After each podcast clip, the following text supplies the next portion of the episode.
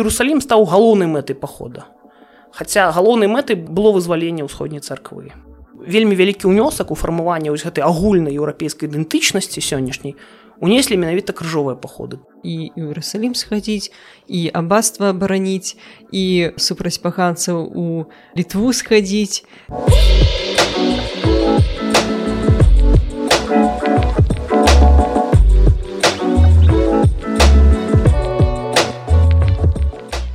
Добры дзень шаноўна гаспадарства з вами падкаст так склалася гістарычна і я дзягель Ганна. Сёння у нас у гасцях медыявіст даследчык гісторык Яўген гурынаў вітаю Евген добрый дзень Ганна. З Евгенам вы уже знаёмы у мінулы раз мы вельмі так грунтоўна абмеркавалі перад пасылкі крыжавых паходаў і ідэі якія сталі падмуркам гэтай у унікальны насамрэч з'явы з'ява якая стала візітоўкай э, масавага ўяўлення пра сярэднявечча Еўген э, скажи калі ласка А што стала ну, скажем так трыгерам для ўсё ж таки пачатку таго каб вялікія масы людзей узняліся і пайшлі на далёкі блізкі ўсход тут мы павінны перанесціся на блізкі ўсход і паглядзець что там адбывалася ў 11 стагоддзе менавіта тады гэты рэгіён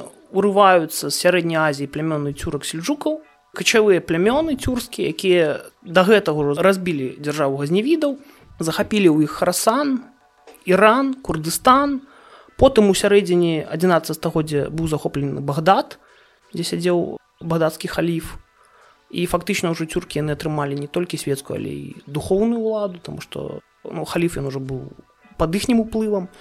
І 1071 год ён вызначальны знакамітая манцыкерская бітва дзе цюрскі султан альпарслан ён разбівае візантыйскага імператара романы дыягена разбівае ўшчэнт знішчае фактычна візантыйскае войска і ну тут наступаюць не вельмі добрыя часы для візантыйскай імперыі таму што цюркі яны натуральна даходзяць да канстантынополя то бок з муроў сталіцы можна бачыць ось гэтыя намёты цюрскія і імперыя просто вельмі цяжкім стане.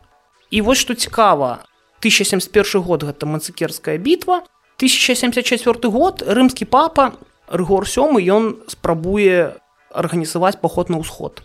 Дайшло до нас некалькі лістоў ад папы які ён накіраваў і нават германскаму імператору і вось сваёй сяброўцы Мацільдзе тасканская, якая заўсёды яго падтрымлівала.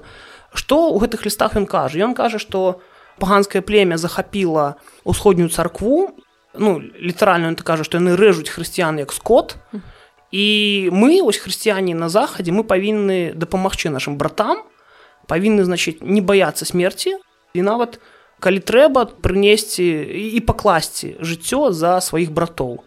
І ён ну, як бы прызывае рыхтавацца да пахода. І потым, ўжо у адным са сваіх лістоў ён піша што вось амаль гатовы паход гатовы выступіць яго 50 тысяч ваяроў і я ну папа як правадыр і пантыфік павяду гэта войска на ўсход. Зразумела што 50 тысяч чалавек там ніяк не магло быць на той момант.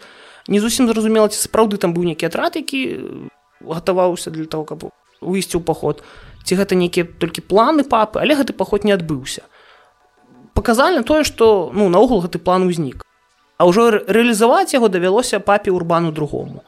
І тут трэба таксама сказаць, што вось на пачатак 90-х гадоў 11 стагоддзя візантыя яна ўжо змагла неяк гэту навалу адбіць і пачалі ўжо думаць грэкі пра тое, каб нейкім чынам вярнуць ось гэтыя землі страчаныя назад. І візантыйскі імператор чагровы гэта быў Алексей первый камнін, Ён накіраваў на захад лісты да заходніх феадалаў, да уладароў, дзе прасіў, каб яны адправілі ў візантыю сваіх ваяроў у якасці найміту менавіта наймітаў. І вось у 1095 годзе у сакавіку ён таксама накіраваў пасольства да папы яно прыбыла ў пянчэнцу у горад пянчэнцу, дзе на той момант адбываўся царкоўны сабор і таксама папу папрасіла аб дапамозе. Але папа ён ну, успрыняў па-свойму гэтую просьбу. Ён зарганізаваў турнэ такое у паўднёвую францыю. І вось у лістападзе 1095 года ў горадзе клермон ферран ну гэта сучасны назвы тады называўся клермон прайшоў сабор царкоўны сабор дзе там разглядаліся розныя пытанні. І ў апошні дзень папа на полі за горадам там што было вельмі шмат людзей ён сабраў людзей і абвясціў ім што будзе арганізаваны паход на ўсход. Што сказаў папа? Тут таксама трэба сказаць што ягоныя словы яны не былі запісаныя там на месцы яны дайшлі до нас у пераказе некалькіх крыніцаў і дакладнай прамовы папы мы не ведаем мы ведаем толькі асноўныя ідэі Ну па-перша, папа сказаў, што вось нашы браты усходнія хрысціяне патрапілі пад ярмо паганцаў. І мы павін ім дапамагчы. Хрысціяне вельмі цяжка пакутаюць.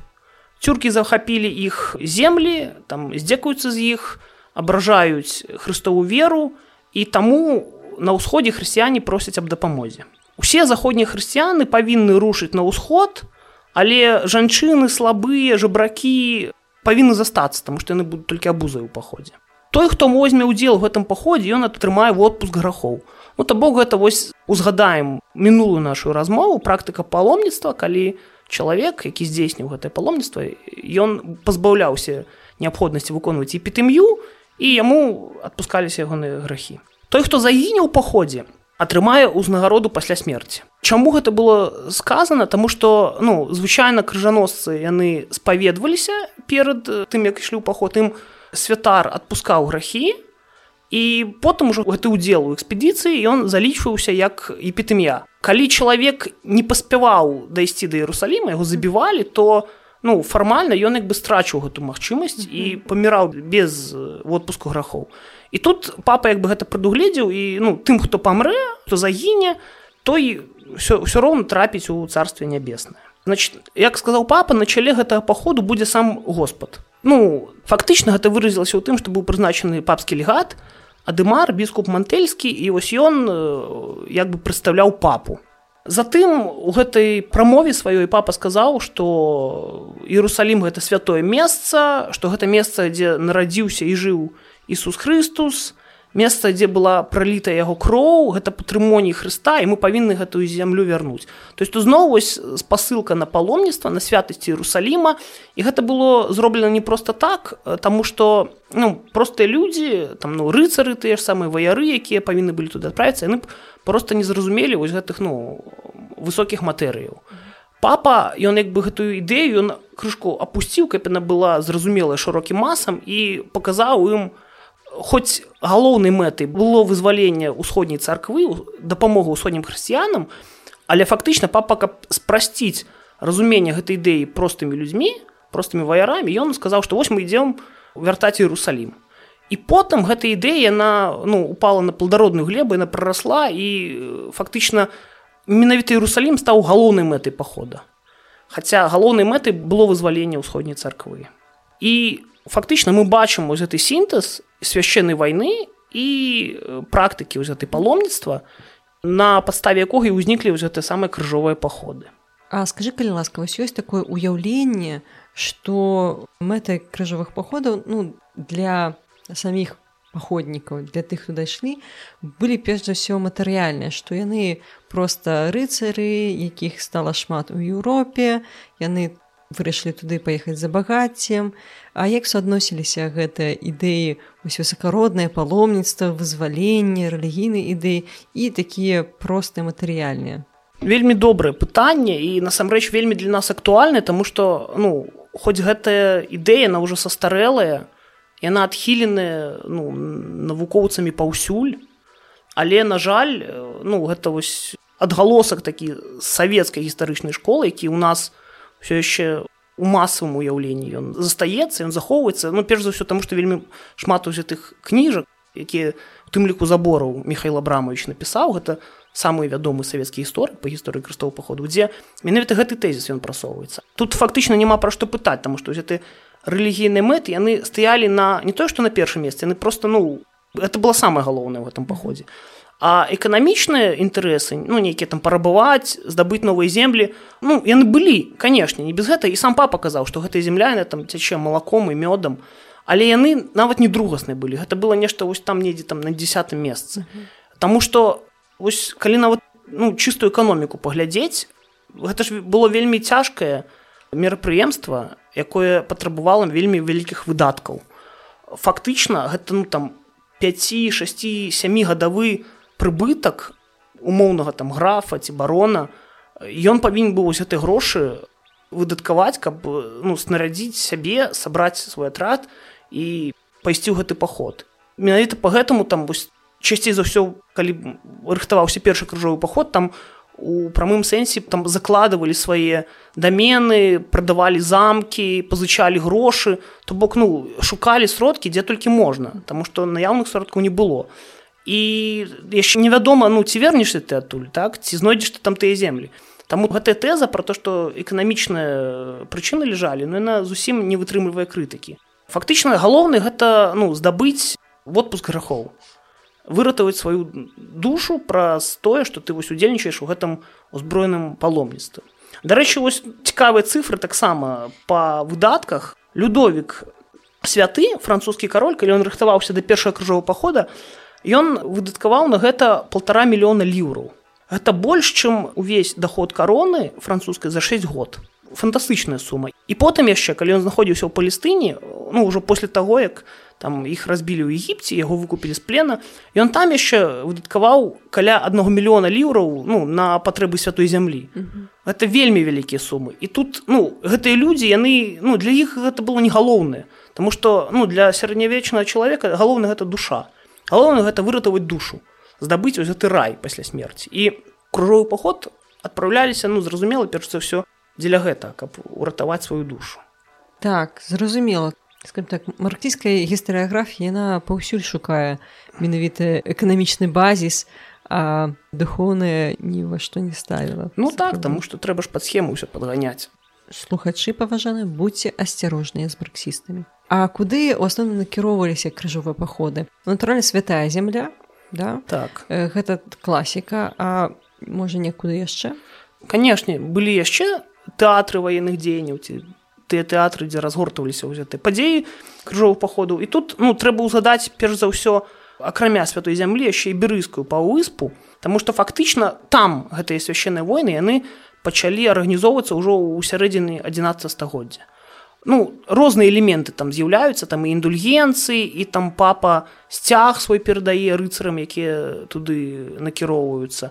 За некалькі год да першага крыжового пахода у канцы там 80-х гадоў 11 стагоддзя папа урбан другі ён напісаў ліст да іспанскіх хрысціянаў у якім ён казаў што вам не абавязкова каб здабыць вось отпуск граховы ісці ў Іерусалім дастаткова паўдзельнічаць у аднаўленні горада тарагона. Это быў горад які недавно адбілі хрысціяне. Там хацелі стварыць біскупства лацінскае але ну галоўная праблема была ў тым што яго трэба было абараняць ад мусульманаў. І ўсё сказаў што той хто туды накіруецца і будзе у аднаўленні горада тарагоны удзельнічаць таму будзе той же самы отпуск грахоў як тым хто пайшоў у Іерусалім. Ну то бок такая чыстая гэта крыжаносная ідэалогія так іберыйская паўыспа я назваў. А ну яшчэ таксама ось цікавы факт. Помимо того что таксама былі вось гэты войны з мусульманамі войны з паганцамі якімі іх лічылі сярэднявечныя хрысціяне. Яшчэ один важны момант можа не важны але цікавы. Быў такі арцыбіскуп кампастэльскі які ў 1125 годзе ён высунуў даволі цікавую ідэю што праз паўночную афрыку можна прабіць путь у Іерусалім прычым я казаў што гэты шлях будзе карацейшы і значна менш цяжкі ну не ведаю наконт карацейшы значна менш цяжкі але ну ось была такая думка што можна праз іспанію потым праз паўночную афрыку да Іерусаліма дайсці дарэчы потым яе імкнуліся рэалізаваць калі ўжо гэты ну там пяты крыжовы паход шосты сёмы восьмы это ж все ў афрыку яны былі накіраваны то бок здабыць Іерусалім праз егіпет перш за ўсё. Затым гэта паўночна-ўсходняя Еўропа. Ну гэта наш рэгіён. Напэўна ну для нас як для беларусаў для беларускай гістарычнай навукі гэта найбольш цікавая частка тэмы тому что тут і як бы і ў кантакты уступаюць і крыжаносцы і прадстаўнікі тутонскага ордэна з літвой і з ось, беларускімі княствамі І тут вельмі цікавая складваецца сітуацыя, што насамрэч тут не было святыняў, якія трэба вяртаць. Калі Іерусалім гэта патрымоні Хрыста, тое што паганцы у нас ну з пункту гледжання сярэднякова чалавека тое што паганцы у нас забралі тое што трэба вярнуць то вось гэтай землі гэта ну яны ніколі не былі хрысціянскімі. Спачатку сюды прыходзіць місія. Тут засновваюцца церквы засновваюцца біскупствы а потым ужо гэта ідэалагічны падмурак пад крыжаноснай экспедыцыі сюды ён падводзіцца так што вось тут паганцы яны прымаюць хрысціянства яны хрэсцяцца а потым адмаўляюцца і трэба іх прымусіць вярнуцца да веры. Альбо подводзіўся гэты падмурак пад простое што яны тут пасягаюць на царкву імкнуцца і разбурыць імкнуцца шкоду рабіць ну і місіянерам нашим і біскупам. І таму мы павінны абараніць ось гэтую новаўтворную царкву ў гэтым рэгіёне таму павінны значит ну зладзіць крыжовы паход тут дарэчы мы назіраем вельмі цікавую з'яву такую тому что ось у сярэдзіне 13 стагоддзя папа інакент четверт ён дазволіў таутонцам набіраць крыжаносцаў без папярэдняй пропаведзі то бок калі ну ось класічна гэта крыжовы паходы ў Іерусаліме на кожны раз новы абвяшчаўся потым прапаведнікі ішлі там по гарадам па вёскам і вербавалі людзей то тут гэтыя кампетэнцыі яны былі папа іх перадаў просто таутонцам mm -hmm. і яны маглі самі набіраць гэтых людзей. І пасля гэтага ну працяглы час ужо ну фактычна не был там не выдавалася пра паход у лівонію ці там калі казаць агулам то ў прыбалтыку. Ніякіх пропаведзі не праводзілася. Тутонскі ордэн сам все гэта рабіў. І тут узнікае такая з'ява як гэты рэйзы альбо безупынны крыжовы паход які праводзіўся з канца 13 стагоддзя і да пачатку 15 стагоддзя ну то есть фактычна ну больш-менш там да грынвальскай бітвы. Гэта была сезонная з'ява то бок прадстаўнікі тутонскага ордэна яны спачатку у набіралі людзей ва ўсёй заходняй Еўропе і увесну і ўзімку два разы на год гэтыя рыцары прыязджалі сюды у прыбалтыку і тут удзельнічалі ў набегах там на беларускія землі на рускія землі на літву на паганцаў і з цягам часу гэтая з'ява яна набывае папулярнасць у Еўропе і фактычна адбываецца спалучэнне вось гэтай свяшчэннай вайны рэлігійнай кампаненты з такой чыста рыцарскай прагай да славы. Таму што ну, з'ездзіць да тутонцаў паўдзельнічаць гэтых набегах гэтых экспедыцый гэтых рэйзах альбо рэйдах гэта лічылася ну пачесна ну то бок ты праяўляў сваю адвагу мужнасць вяртаўся потым распавядаў пра свае подвігі якія здзейсніў. І нават дарэчы вось у кінтаберыйскіх расповедах джефры чосара там у пачатку калі ён там піша пра рыцара то ён узгадвае што гэты рыцар ён там і на прусаў хадзіў ён і у тэўтонцаў быў і ён ну там так ён і піша што ён удзельнічаў у рэйзах. Mm -hmm. То бок тэрмін які вось перайшоў у англійскую мову што таксама сведчыць пра тое што гэта з'ява была папулярная затым такая чыста унутры еўрапейская з'ява гэта паходы супраць схізматыкаў і рытыкоў mm -hmm. з мэтай перш за ўсё абароны царквы ад ерасяў. Таму што трэці латаранскі сабор гэта 1178 год ён дазволіў ужываць зброю супраць ерытыкоў І тут можна ўзгадаць паходы вядомыя супраць катараў, альбігойскі крыжовы паход, супраць дальчынянцаў у пачатку 14 стагоддзя. З пункту гледжання царквы гэта абарончыя войны, Таму што ну, як тады казалі, трэба вось склікаць хрысціянскіх войнаў, каб яны ўзнялі тарчу для абароны царквы супраць унутраных ворагаў перш за ўсё. Ну. І нарэшце гэта вось паход супраць непаслухмянай свецкай улады на захадзе, Ну, самый класічны гэта калі папа абвясціў паход супраць германска імператора фрыдрыха другога дарэчы два разы ён абвяшчаў яго супраць педра караля арагонскага таксама абяшаўся паход ну тут мы ўжо бачым такую эвалюцыю ідэі калі паступова вось палітычныя фактары яны ну больш уплыў аказваюць на гэтую ідэю чым выключна рэлігійныя тому что ну зразумела што калі гэта не поход супраць светской улады светской улады заходнееўрапейскай хрысціянскай тут конечно палітика будзе прысутнічаць ну е будзе даволі шмат дарэчы ось поход супраць схізматіку можна згадаць яшчэ і чацвёрты крыжовы паход хоць ён фармальна не быў паходам супраць схізматікаў але калі венецыянцы подбілі крыжаносцаў вось ісці ў константынополь mm -hmm. і калі гэтае пытанне абмяркоўвалася лідарамі крыжовага пахода то там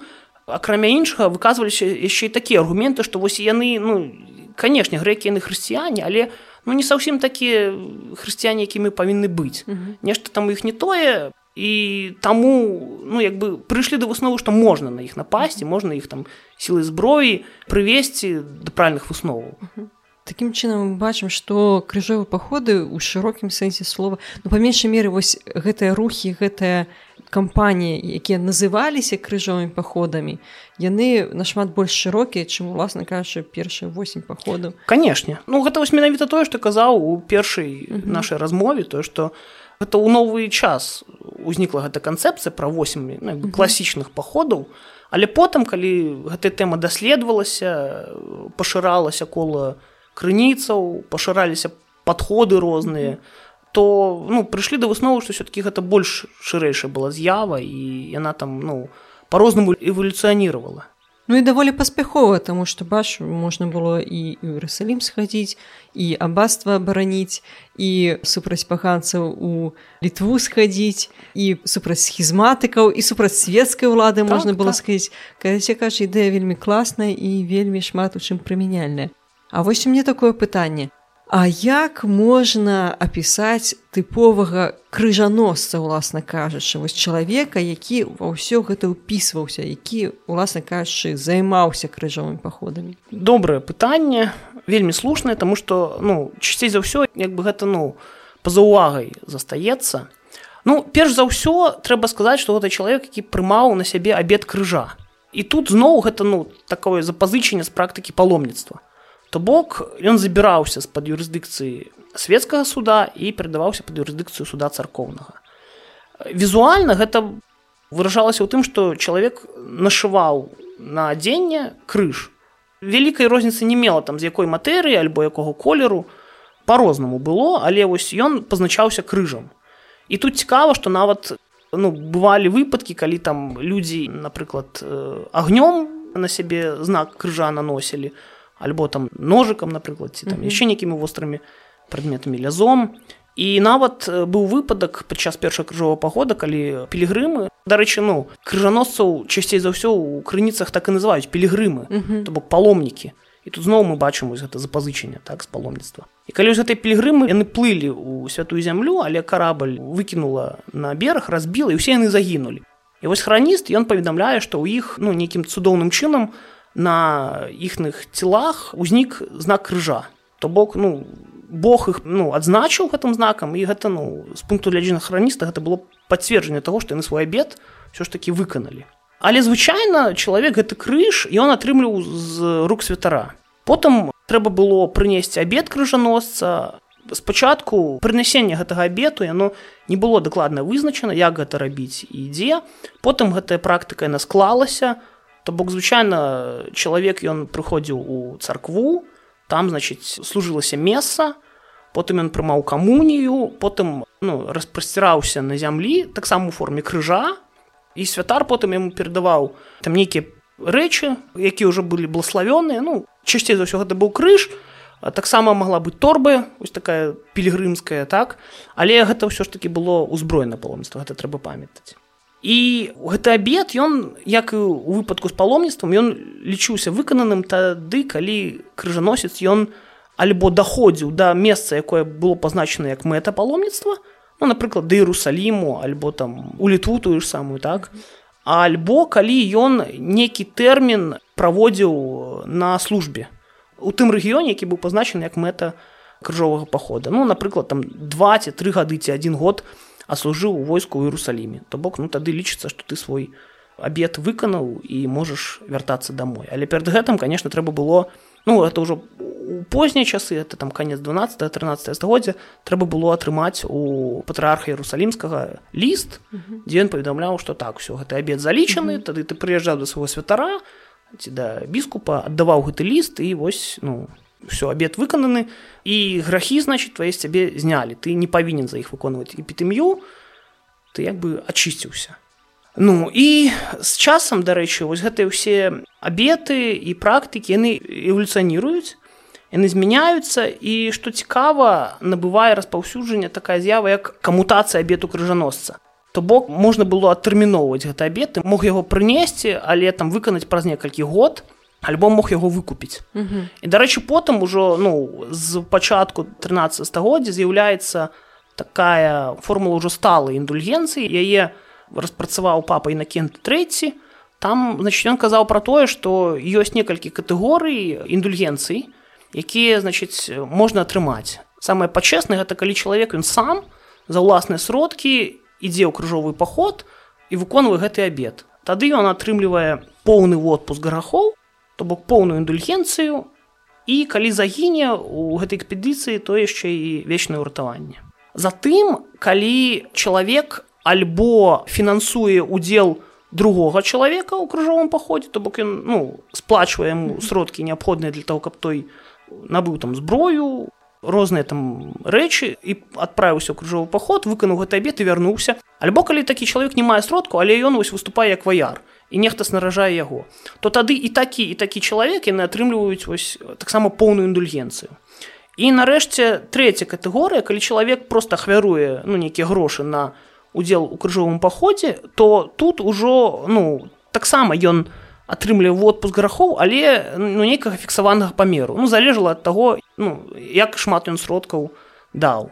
Таксама пры накенце трэцім з'яўляецца наогул вельмі цікавая з'ява гэта індульгенцыя за прысутнасць на пропаведзі крыжового пахода. То бок калі прапаведнікі прыходзілі там ну нейкі горад і пачыналі прапаведаваць то і чалавек прыходзіў на гэтую пропаведь там знаходзіўся і слухаў яе то у залежнасці ад там жадання прапаведніка колькі ён там даваў кожны удзельнік гэтай вось пропаведзі ён атрымліваў альбо там 100 дзён альбо 200 дзён альбо 300 дзён індульгенцыі гэта скіравана было перш за ўсё на той каб прыцягнуць да вось гэта працэсу вербавання крыжаносцу як мага больш людзей але ў тым ліку яшчэ і на тое каб даць вось магчымасць як мага больш шырокаму колу людзей дакрануцца да вось гэтай з'явы таму што ўсё ж такі галоўная мэта з пункту гледжання царквы гэта ну выратаванне душы. І калі чалавек там у яго не хапае сродкаў альбо ён хворы ці слабы ён не можа сам пайсці ў гэты паход ну дадзім яму хоць нейкую магчымасць ну вось mm -hmm. хоць невялічкі ўнёсак зрабіць але хай яго будзе там за душой вось гэта удзел у гэтай святой справе і потым там залічыцца яму і скасуецца нейкая частка грахоў ну неяк прыкладна так вось тады яны разважалі Такім чынам, навошта нам вывучаць крыжовыя паходы, ну акрамя вось гэтых гісторый пра бойкі, пра рыцараў, пра паходы і войны. Да, дзякуй цікавае пытанне. Ну, па-першае, канешне, я б сказаў, што таму, што яны непасрэдна датычацца гэтай ідэалогіі свяшчэннай вайны, справядлівай вайны. Яны даюць шмат прыкладаў, як гэтай ідэалагічнай канструкты рэалізаваліся на практыкі і вось нягледзячы на тое што здавалася б там ну тысяча год прайшло з моманту як там адбыўся першы крыжовы паход але нікуды гэта не падзелася войны ўсё так жа вядуцца. І сёння ў нас у сучасным грамадстве і ўсё так жа неяк трэба іх легітымізаваць. І каб гэтыя працэсы лепш зразумець мы павінны вывучаць тое што было да гэтага. Затым, конечно, крыжовыя паходы яны вельмі вялікі ўплыў аказалі на фармаванне агульнаеўрапейскай ідэнтычнасці. То бок, калі вось заходнія хрысціяне яны адпраўляліся там у святую зямлю, у прыбалтыку, калі яны там з грэкамі змагаліся, то заўсёды яны ўспрымалі гэты канфлікт як канфлікт такі ну, выразна двухбаковы, то бок чорныя і белыя, мы і яны uh -huh. і фактычна вось я раней у аднаго аўтара сустрэў такое цікавае параўнанне што ось імперыя карла великкага яна з'яўляецца як бы таким правобразам сённяшняга еўрапейскага звязу uh -huh. я не буду зараз разважаць ну, над пытаннем так гэта ці не але б я сказаў што вось вельмі вялікі ўнёсак у фармаванне вось гэтай агульнай еўрапейскай ідэнтычнасці сённяшняй унеслі менавіта крыжовыя паходы. Ну таксама. Зразумела што там было шмат фактараў самых розных і гэта быў вельмі ну, такі даўгі працэс але ну тут на мой погляд крыжовы паход значна яны вялікі ўнёсак зрабілі. Затым таксама трэба сказаць што садзейнічалі крыжовыя паходы адкрыццю усхода заходнімі еўрапейцамі. Таму што калі раней гэтыя землі яны ўяўляліся нейкімі такімі вельмі фантастычнымі далёкімі незразумелымі. Калі пілігрымы прыходзілі у іх былі розныя расповеды але ўсё ж таки не шмат людзей магло гэтыя распаведы паслухаць і не заўсёды ім там занатоўваліся захоўваліся записываліся А вось менавіта ў эпоху крыжовых паходаў Еўропа яна адкрывае дзеля сябе бліжні ўсход і пачынае ўжо рухацца далей. Там у сярэднюю азію Кітай у Індыю Дарэчы можна вельмі добра прасачыць гэты працэс на прыкладзе армянаў. Таму што калі да пачатку крыжовых паходаў хоць еўрапейцы ведалі пра армянаў як ну хрысціянскі народ як старажытны народ як народ там які звязаны вось з потопам тому что ну у бібліі сказано что у ной у каўчэх ён спыніўся на гарах арменії але гэтыя веды яны былі вельмі незначнымі фрагментарнымі а вось менавіта з 12 стагоддзя калі пачынаюцца паходы на бліжні ўсход мы вельмі выразна бачым што еўрапейскай культуры перш за ўсё у працах інтэлектуалаў еўрапейскіх у іх пачынае вось колькасць інфармацыі пра армянаў узрастаць. З'яўляецца інфармацыя пра іх рэлігію пра то як у іх царква арганізаваная. І дарэчы вось тут калі мы закранули ўжо гэтую тэму таксама трэба сказаць что менавіта крыжовыя паходы ну яны спарадзілі унікальную з'яву гэта кілікійскае армянскае каралеўства якое узнікла ў кілікіі. Чым яно унікальнае? Тым что раней там жылі армяне армянскія князі але менавіта калі туды прыйшлі крыжаносцы яны атрымалі магчымасць стварыць паўнавартасную дзяржаву. І на вось усходнім субстраце армянскім была створана дзяржава по заходнееўрапейскаму узору Таму што менавіта карону даставіў лацінскі епіскап і фактычна дзяржапарат увесь ён быў зроблены па ўзору крыжаносных дзяржаў вельмі цесныя былі стасункі паміж кількійскім каралеўствам і папскай курыі альбо паміж кількійскім каралёўствам і заходнееўрапейскімі монархамі гэта была вельмі унікальная з'ява яна дарэчы праіснавала там з канца менавіта каралеўства там што княства там былі раней каралеўства праіснавала з канца 12 і аж до 1375 года. Насамрэч крыжовы паходы яны парадзілі вельмі шмат розных унікальных з'яваў. Вось гэта змяшэнне культураў змяшэнне еўрапейскай цывілізацыі і ўсходняй. Ну яны ж не толькі ваявалі там шмат было і так. такіх взаемаадносінаў але тут трэба удакладніць што вось гэтыя кантакты культурныя менавіта паміж хрысціянамі і мусульманамі яны адбывались на блізкім усходзе у дзяржавах крыжаносцаў і ў заходнюю Еўропу трапляла вельмі мала вынікаў гэтых кантактаў у культурнай сферы. Таму што асноўнымі вось тэрыторыямі дзе гэты культурны абмен ішоў это была ўсё ж такі паўднёвая Італія і іберыйская паўвыспа там гэтыя кантакты яны былі раней яны былі больш сталымі і там яны ну больш працяглы перыяд адбываліся і дарэчы ну у спаніі фактычна там калі пэўна і новы час уключаючы. Таксама там былі гэтыя кантакты. Тут дарэчы можна прыгадаць жака лігофа з яго знакамітым як бы выразам што там крыжовыя паходы не прынеслі заходняй Еўропе нічога акрамя я толькі не помню ці абрыкос ці апельсіны ён там казаў. Але насамрэч що ж такі не вынікі іх былі больш значнымі і ну вось я тут попытаўся іх акрэсліць Ну і уласна кажучы для беларусі галоўным вынікам крыжовых паходаў было стварэнне вялікага княства літоўскага под іх уздзеяннем. Да адной з сілаў адной з прычынаў стварэння вялікае княства літоўскага была пагроза менавіта ад крыжакаў тэўтонскага ордэну. Ну так так згодзін. І тут як ты не глядзі на гэту справу але ўсё ж таки вось ну гэты паўночна-ўсходні еўрапейскі напрамак крыжоў паходу гэта частка беларускай гісторыі. Mm -hmm. мы павінны вывучаць і пажадана канешне каб лепш зразумець вось гэтую частку крыжовых паходу гэты рэгіён трэба вывучаць все ж таки на больш шырокім фоне каб mm -hmm. можна было параўноўваць з іншымі тэмамі па крыжовым паходам з іншымі рэгіёнамі. Ну і разумець сутнасць гэтай з'явы. Канешне конечно Таму што ну без ось разумення як фармавалася гэтая ідэя крыжовых паходу як яна там складалася ў 12 стагоддзе мы не зусім добра зразумеем што тут у нас адбывалася ўжо у 13 і у 14 15 стагоддзе Дзякуй вялікі Яўген за вельмі цікавую размову. Сапраўды зусім па-іншаму глядзіш на ўсе гэтыя падзеі крыжавых паходаў калі разумееш усю гэту аснову базіс ідэалагічны. Дзякуй вялікі. Дзякуй што запрасіла. Дзякую вялікія шаноўныя слухачы, што былі з намі напэўна каля гадзіны. Я не ведаю, колькі па выніку атрымаецца выпуск другі.